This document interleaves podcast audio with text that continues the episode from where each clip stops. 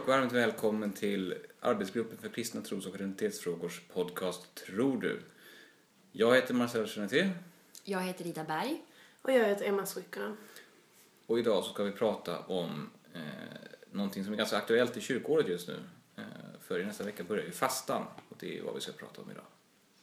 Därför tänkte jag inleda med att läsa en liten bibeltext från Markus evangeliet kapitel 2, vers 18-20. Och den här eh, läses även på askonsdagen. Johannes lärjungar och fariseerna fastade. Då kom några och frågade Jesus. Varför fastar Johannes lärjungar och fariseernas, men inte dina? Jesus svarade. Inte kan väl bröllopsgästerna fasta medan brudgummen är hos dem? Så länge de har brudgummen hos sig kan de inte fasta. Men det skall komma en tid då brudgommen tas ifrån dem. Och när den dagen är inne kommer de att fasta. Och den här tänker jag är lite aktuell på det sättet att eh, man eh, ofta som kristen, tycker jag i alla fall, får frågan att fastar inte kristna? För att man ser en, att eh, muslimerna har en väldigt framträdande fasta som syns i media och uppmärksammas ofta. Men att den kristna fastan ser lite annorlunda ut. Precis, och det handlar väl någonstans kanske om, om eh, eh, att, alltså, att kristna, om man tittar på en, en annan passage i Matteus till exempel så, så, så säger Jesus, förespråkar Jesus att vi ska fasta i det fördolda. Att vi inte ska liksom fläka ut vår fasta för att liksom plocka poäng hos folk, att folk ska bli imponerade över vår fromhet eller så. Eh, så det kan ju finnas någonting i det att, att den kristna fastan är en mera undangömd fasta, kanske, eh, i grunden liksom. Att det är fastan mellan, fastan är mellan dig och Gud, ditt band till Gud. Att det är något heligt som man inte behöver flasha med. Och någonting väldigt personligt som då Precis. blir. Och eh, vi alla tre fastar, men kanske på lite olika sätt. Och eh, vi kanske ska säga det också att det finns... Eh, traditionen säger att man kan fasta när man själv känner att man behöver det. Och det finns vissa speciella fastetider, att onsdagar och fredagar brukar ses som fastedagar. Adventstiden är en fasta. Men nu idag så tror jag att vi alla mer fokuserar på den fastan som infaller innan påskhelgen kommer. Så den fastan som nu inleds på askonsdagen. Och eh, ja, vi har ju alla lite olika personliga sätt att fasta. Jag brukar själv känna att under fastan så är det en tid att reflektera mer och tänka mer på min relation som jag har till Gud. Och ofta kan jag känna att innan fastan börjar att ja, ungefär i, speciellt kanske i januari-tiden, att man känner att okej, snart kommer fastan och man känner verkligen att jag behöver det här. Det är någonting man längtar efter, att det behövs en tid av fördjupning och en för tid då jag i alla fall läser lite fler bibeltexter eller eh, andakter. Men också att man väljer att avstå från saker. Alltså typ äter mindre sötsaker. Försöker tänka bort allt sånt som kanske är onödigt egentligen för att avskala sitt liv lite grann. Mm. Eh, själv så har jag, jag har fastat i ungefär 11 års tid. Eh, alltså inför påsken 11 års tid. Eh, och ehm, eh, jag har alltid fastat på ett, liksom ett väldigt traditionellt sätt. Så jag har ätit, eh, det har framförallt varit en, en, en, liksom en mat och dryckfasta. Eh, försöka hålla en ganska enkel eh, kosthållning. Eh, och framförallt en, en vegansk kosthållning med undantag för, för fisk. Eh, som liksom är det vanliga i i kristen tradition när man ser till matfasta. Liksom.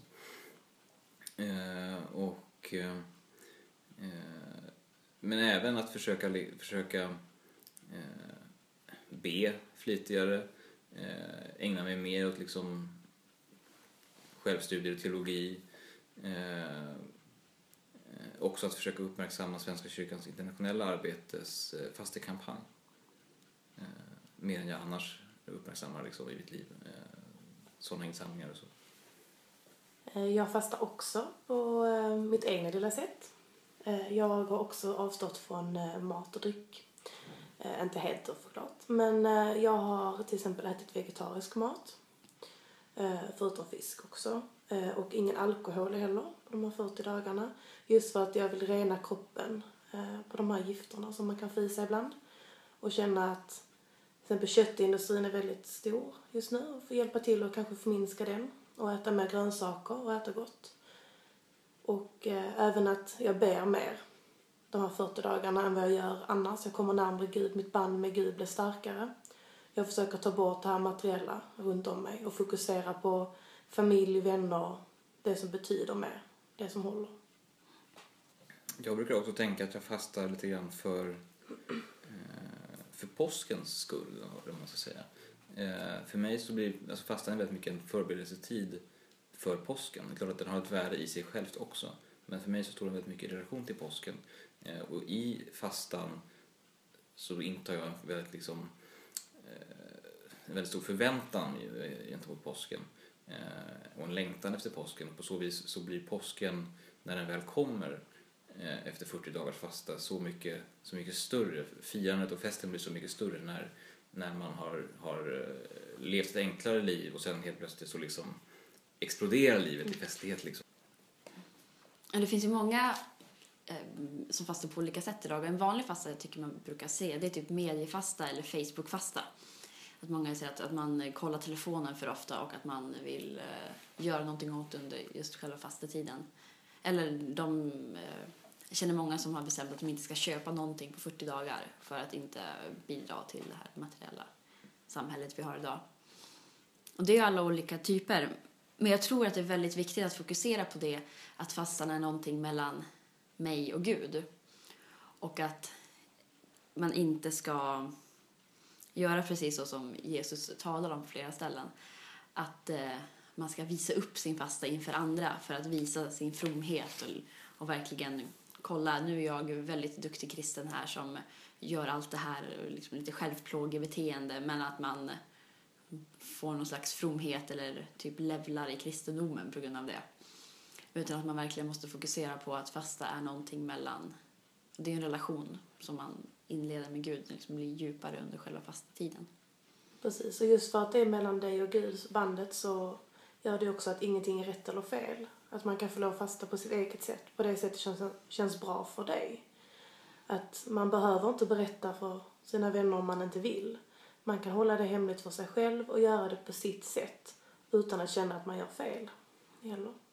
För det finns inga regler så på det sättet. Jag upplever dock ändå att det är väldigt många människor, eh, alltså när jag ser människor prata om fastan på sociala medier eller liksom i, i kyrkan och sånt, så är det väldigt många människor som verkar fasta för, eh, framförallt för sin egen skull så att säga. Eller alltså att man fastar att man väljer att avstå från till exempel godis eller dylikt, att det inte egentligen har att göra med eh, att avstå från saker i livet för att eh, genom det fördjupa sin relation till Gud eller för, för att tänka i solidaritet med andra människor utan att det mer handlar om en form av eh, träningsfasta för sin egen skull, att man ska bli, få en bättre, bättre fysik så att säga. Liksom.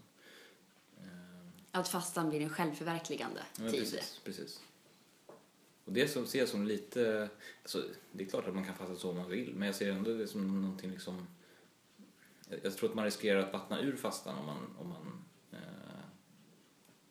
Ja, ja man förlorar ju den heliga gudomliga dimensionen av det. Um, och det, det kan jag tycka att då att, att fastan ger just det stödet. Man kan ju som sagt fasta när man vill och själv ta det beslutet. Men att det just finns en fast tid gör just det, tycker jag, att man får större styrka i att göra de grejerna som man kanske inte skulle ha gjort annars. Att man annars, om man tänker att ja, jag kanske borde äta mer vegetariskt men sen så gör man inte det i alla fall. Men att under själva fastan så får man en inre styrka just för att det är ett så stort fokus på att man ska ha Gud med sig under hela fastetiden. Ännu mer än vad det är annars kanske. Att, att uh, kyrkotexterna uppmärksammar det. Man sjunger salmer som handlar om det. Så det finns hela tiden hjälp. Man får liksom en, en hand att hålla i under hela fastan genom uh, kyrkotraditionen. Har ni någon favoritfastesalm? Inte vad jag kan komma på. Skulle behöva bläddra upp i en psalmbok kanske. Ja, jag känner mig samma som Ida. Det är ingenting jag har direkt så. Har du en? Eh, Ja, min, min eh, favoritfastesalm är, är, jag tror också att det är den första psalm som dyker upp på, på, på fastetemat i psalmboken. 135, Se vi går upp till Jerusalem. Den sjungs väldigt mycket i fastetid i Svenska kyrkan. Eh, och sen har jag en favorit passionspsalm som, som alltså är mer kanske åt långfredagen till eh, men som också sjungs så mycket fastan. Eh, du bar ditt kors och Jesu mild skriven av Erik Gustaf Geijer som också är jättevacker. Mm. Ja, det är en väldigt vacker, tycker jag också, eh, mässform under hela fastan. Jag älskar när fastan kommer. För då har man helt andra... Heter det litanian? Litanian heter den förbön som man ofta sjunger Precis. växel, växelvis mellan präst och församling. Ja, men, men och under fastan så är den annorlunda. Och den här väldigt mycket sång och sjungande. Jag tycker det är fantastiskt. Jag älskar när fastans, eh, fastan kommer för att eh, det blir så himla bra gudstjänster och mässor. Det är fastan och advent tycker jag alltid det är höjdpunkterna. Fastan blir på något sätt en tid för andlig förnyelse egentligen. Alltså, även om det kanske är på något sätt ger uttryck väldigt mycket för en, mera kanske en, en, en andlig död eller liksom en, en, en, en, en, en, en, prövningstid så blir ju det på något sätt, det blommar ut i, i, eh, i en förnyelse känner jag i alla fall för mig själv av mitt eget andliga liv. Eh, och min relation till Gud därigenom. Och det är också, som du Marcel pratade om tidigare, att påsken får en större betydelse i och med fastan innan. Jag tänker på det att man sjunger inte halleluja under fastetiden. Eh, man liksom undviker det ordet. Precis. Eh, Gudstjänsterna blir ju liksom enklare under fastan och många församlingar har inte processioner, eh, eh, inte halleluja efter evangelieläsning. Eh, vanligtvis sjunger man heller inte Gloria och Laudamus under, under, eh, under fastan. Och även den här midnattsgudstjänsten som eh, vi brukar ha i vår församling. Eh, att när fastan är slut, att man firar Jesus uppståndelse. mm. Att det är halleluja då som Ja. gäller. Ja, glädjen blir ju så stor då när man har under en lång tid tagit bort allt som har varit mer utsvävande. Enkel, enkel dukning på altaret till exempel. Och sen så kommer midnattsmässan och sen påskdagen då det mer exploderar i liv. Ja, vi brukar vända korset också så att det, den, korset har ju ryggen mot annars. Men nu är korset vänt och Jesus har uppstått och vi har rökelser och ett stort eh, ljus och så. Alltså det är ju jättefin känsla att vara på en sån gudstjänst och har man då gjort fastan också så känns det verkligen som att det är ja, fulländat. Allting är bra. Så att det är så vi, eller så jag avslutar min fasta i alla fall. Sen kan man alltid göra det på olika sätt också. Man behöver inte gå till kyrkan och alla församlingar är olika. Fastan når ju liksom sin, sin klimax i, i eh, skärtorsdagen, och långfredagen och eh, eh, påskafton, påskdagen. Eh, det blir så otroligt påtagligt, tänker jag, just det här när man i, eh, på skärtorsdagen där man eh, efter liksom sista, stilla veckans sista eh, nattvardsfirande innan, innan påskdagen, när påsknatten kommer, eh, så dukar man ju liksom av altaret traditionsenligt helt och hållet. Man tar bort dukar, ljus, allting. Det finns ett altarskåp, så stänger man luckorna. Eh, och så förblir de stängda under långfredagen fram till och med påsknatten då. I min församling så har vi alltid eh, dukat altaret och öppnat upp skåpen under, eh, under påskmässan. Så man går liksom in i, i mörker, det är nästan helt släckt i, i kyrkorummet. Eh, och långsamt så tänds det upp, ljusen sprider sig liksom från, från eh, ljusbärare ut i församlingen. Alla håller egna ljus. Eh, och, så. och det är väl den här, det är väl det som gör det så pass stort ändå, att det blir de här kontrasterna, att det, går, att det är mörker och ljus. Att det liksom, och man känner en samhörighet med resten av församlingen också. Vi går alltid in hela församlingen tillsammans inne i kyrkan med eh, ett ljus längst fram. Så att det är ingen som sitter ner när prästen kommer in utan alla går in tillsammans. Vi gör det tillsammans. Och det är en samhörighet som man kanske inte annars känner. I vissa församlingar så finns det mycket åldersskillnader och så. Fastetid och påsk, det är, det är stora grejer. har vi några fler exempel på bibliska Ja, fastor? Fastade Jesus själv kanske? ehm, precis. Det är, I Bibeln står det skrivet att Jesus gick ut i öknen 40 dagar innan det var dags för intåget under, som vi sen firar eh, i palmsöndagen. Och eh, under de här 40 dagarna så var det också väldigt mycket bön och väldigt mycket samtal med Gud. Precis. Eh, Det är ju samma med eh, Jesu dop av Johannes i Jordan. Eh, Som han förs ut i öknen av anden, står det. Och sen så prövas han av djävulen. eh, Och fastar i 40 dagar. Eh, Och vår påskfasta den är ju också i 40 dagar. Jag tänker mig att det är en symbolik som liksom går igen där. Eh, För då fastar man från askonsdagen till påskdagen. Och det blir 40 dagar när man plockar bort söndagarna. Som liksom är små påskdagar insprängda i fastan. Ja, precis. Just det att man har den här tiden av fastan, men att man fastar hela veckan då kanske, men att just söndagar är alltid glädjens dag för att man firar alltid Jesu uppståndelse då. Och att man, eh, ja, har man avstått från fika så får man ju alltid fika på kyrkfikat efter söndagsmässan. Men jag tänker mer på det här just med askonsdagen, för det är ju den dagen som inleder fastan. Och den tycker jag inte att man pratar om så där jätteofta alltid, och speciellt inte tiden innan. För nu har det varit fullt med liksom semlor och allting sånt där i butikerna hela tiden. Och det här var ju traditionen att innan fastan började så var man ju tvungen att äta upp sig lite. Så då har man eh, fettisdagen som är till för semlor. Och sen så har vi ju korvmåndag. Då man skulle liksom äta upp sig med kött innan också. Och sen så kommer askonsdagen som oftast, jag vet inte hur ni har i era församlingar, men jag brukar gå på morgonmässa på askonsdagen. Vi har mest kvällsmässor i min erfarenhet. Och då, alltså det är olika, så det är en, oftast en ganska enkel mässa. eh, Där alla i församlingen, om man vill, får ett kors ritat i pannan med aska. Och då tänker jag lite grann bara på en bön som man eh, brukar be den dagen, som går så här. Kärlekens Gud, som märkt oss med korsets tecken, hjälp oss att i Kristi efterfölj bedja, försöka och leva, så att tro och handling förenas. I Jesu namn. Amen. Amen. Och just den bönen tycker jag visar så, så bra om vad fastan är. Det är att man i Kristi efterföljd och med Jesus, att man får hjälp och styrka att förena tro och handling. Att man har en tid på sig att fördjupa sig i tro men också att förändra sitt beteende och sina handlingar så att man faktiskt kan leva i Jesu efterföljd. Kommer du ihåg vad prästen säger eh, när han tecknar med korset i, eller när hen tecknar med korset i pannan?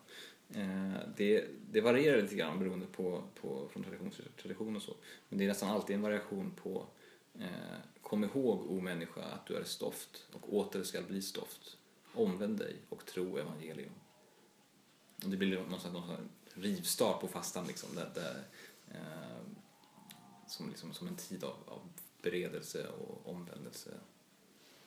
Ja, verkligen. Det är ju, själva fastans tecken är att det är ganska seriöst och alla texter är väldigt seriösa på det sättet.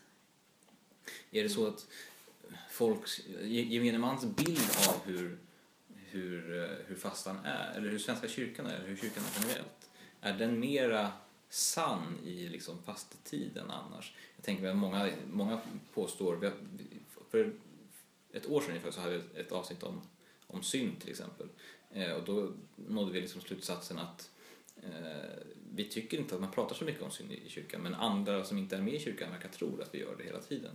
Men i fastan blir det på något sätt lite grann så. Alltså det är de mer liksom kraftfulla, tyngre syndabekännelserna kanske i gudstjänsterna. Eh, det blir liksom en, inte en dysterhet, men det, är all, det är allvarsamt. Det är väldigt, det är väldigt värdigt på något vänster.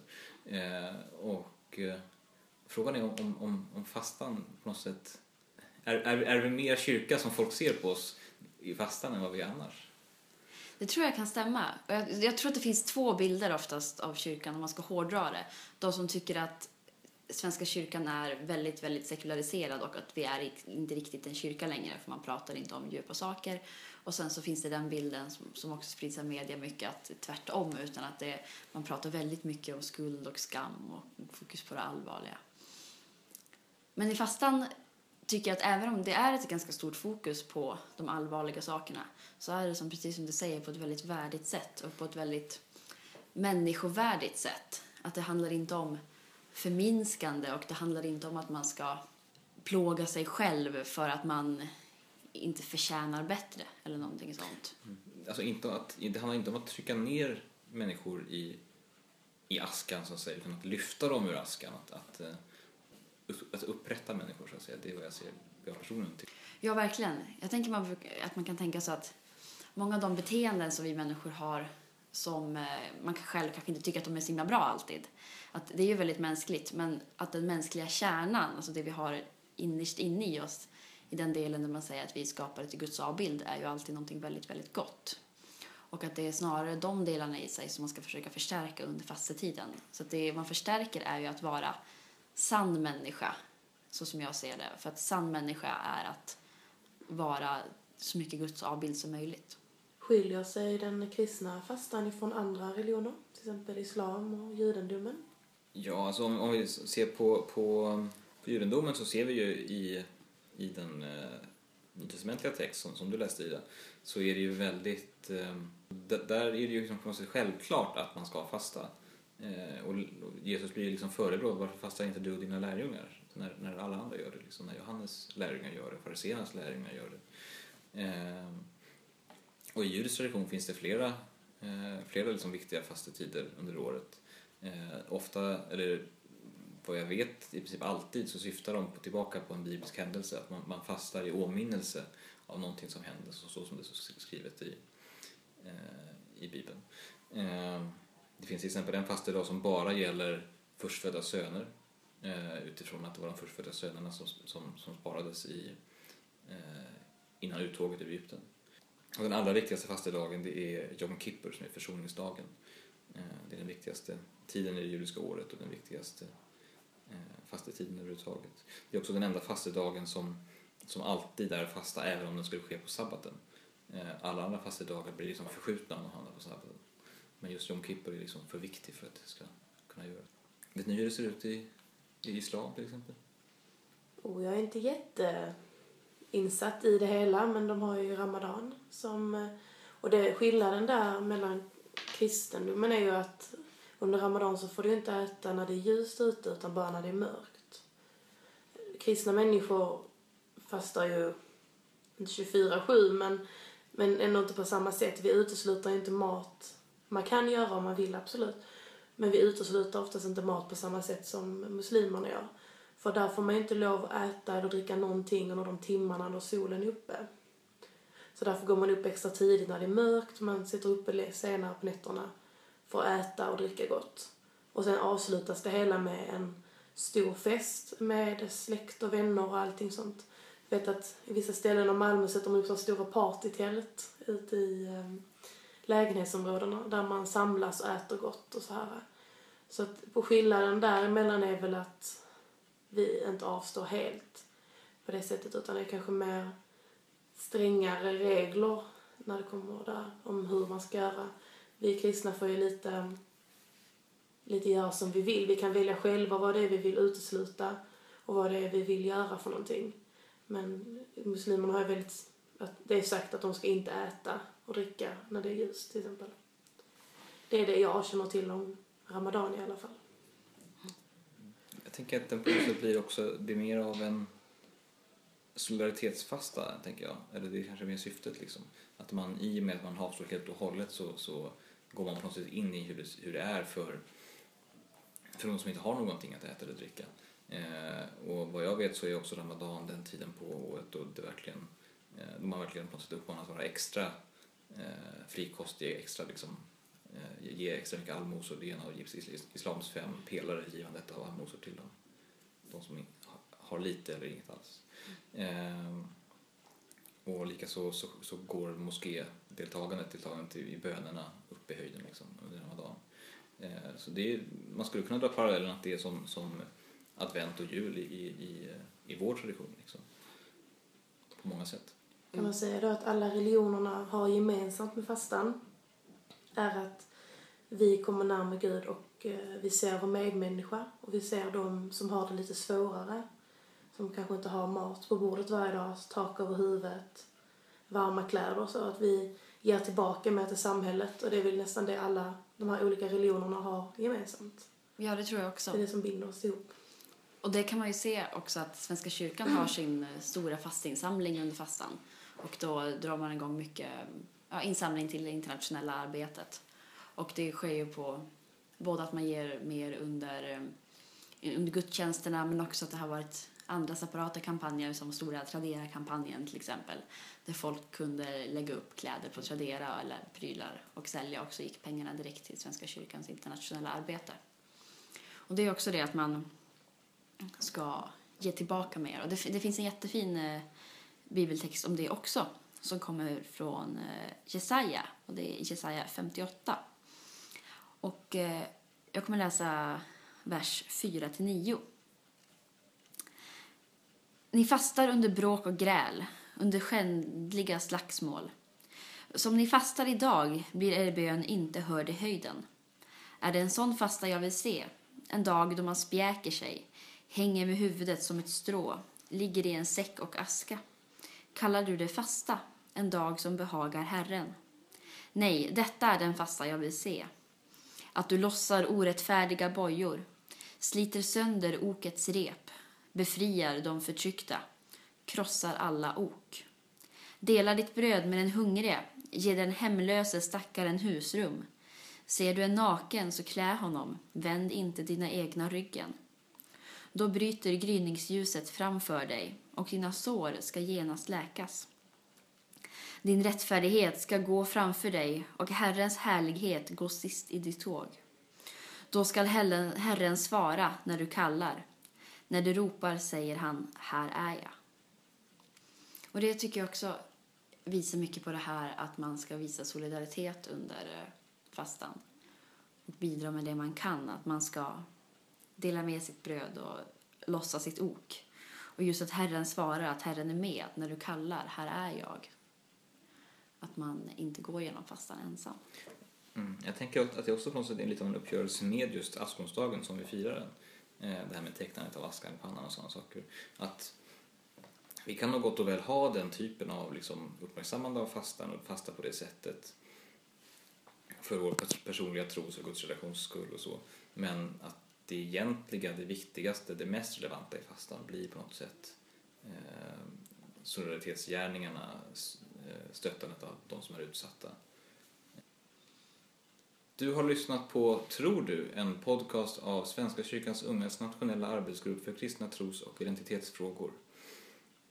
Du kan hitta oss på Facebook som under namnet Tror du?